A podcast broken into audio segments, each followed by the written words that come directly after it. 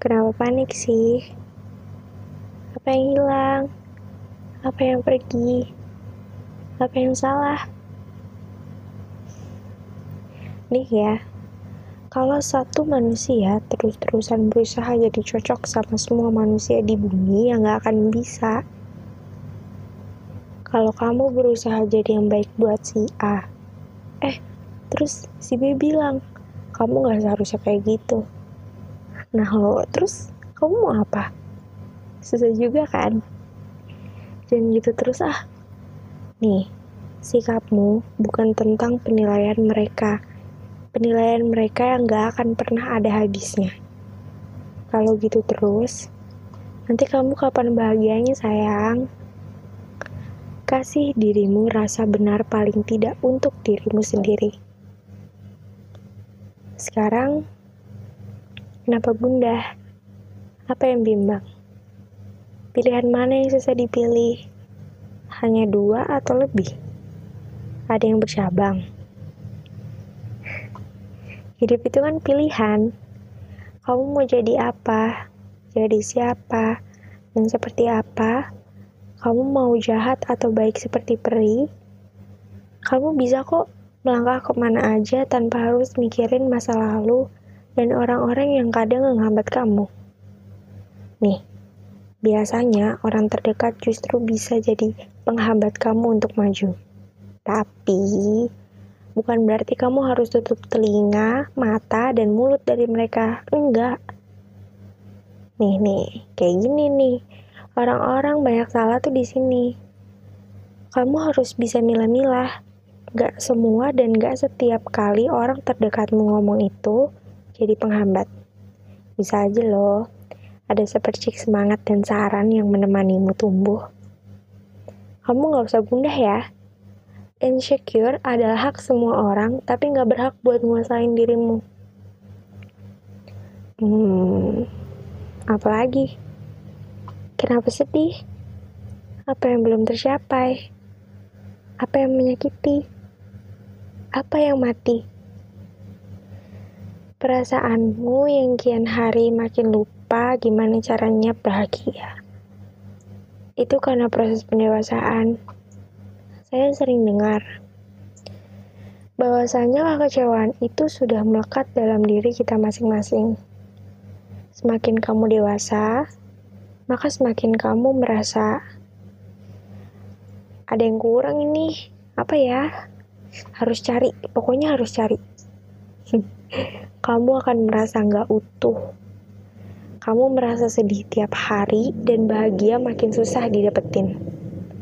Nah, Ketika kamu mencapai titik itu, di mana semua terlihat kosong, banyak mimpi besarmu yang jauh, tapi satu pun susah kamu dapetin. Semuanya sedih, semuanya menyakitkan, semuanya ngajak berantem.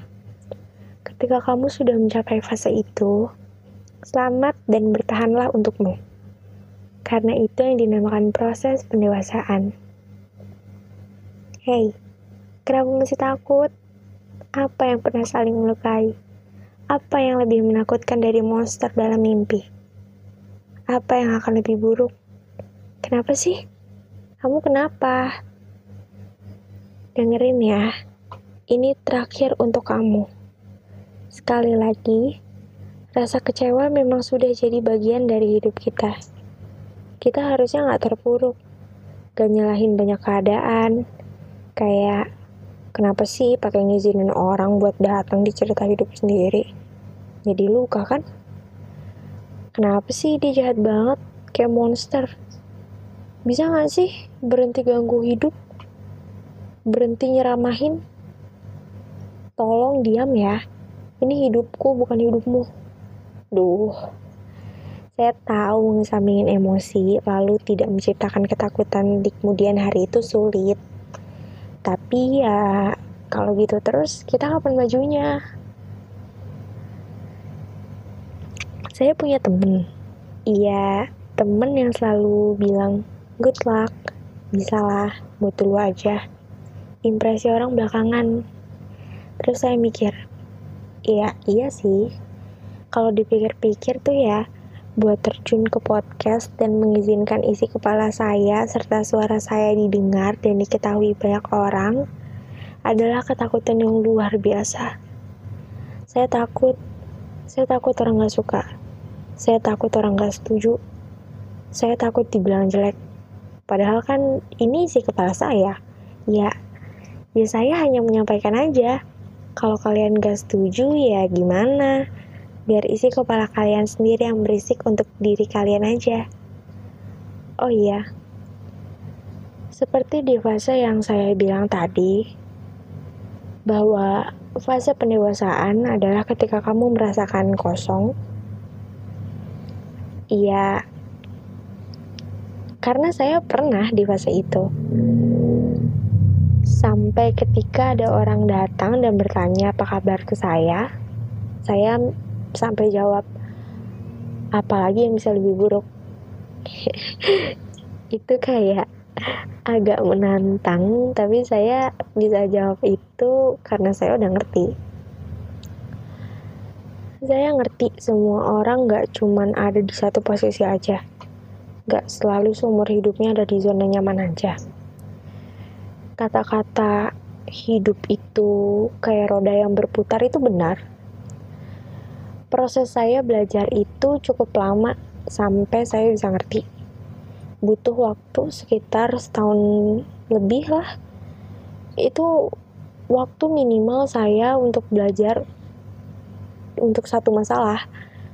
Sedangkan di hidup saya banyak masalah-masalah juga yang datang setelah masalah yang satu itu datang gitu saya ngerti sampai saya bisa memaknai bahwa semua rasa panik, hilang, gundah, bimbang, sedih, sakit, takut, luka, dan buruk yang tadi saya sebut dalam pertanyaan-pertanyaan itu bisa saya terima dan bisa berteman dengan diri saya sendiri. Tiap orang fasenya beda-beda susahnya beda-beda, waktunya beda-beda. Fase pendewasaan gak selalu menyakitkan kok. Gak selalu sekosong itu mungkin.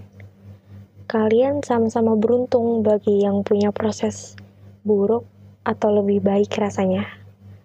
Ketika nanti kalian merasa sedang ada di fase pendewasaan, kuat-kuat ya.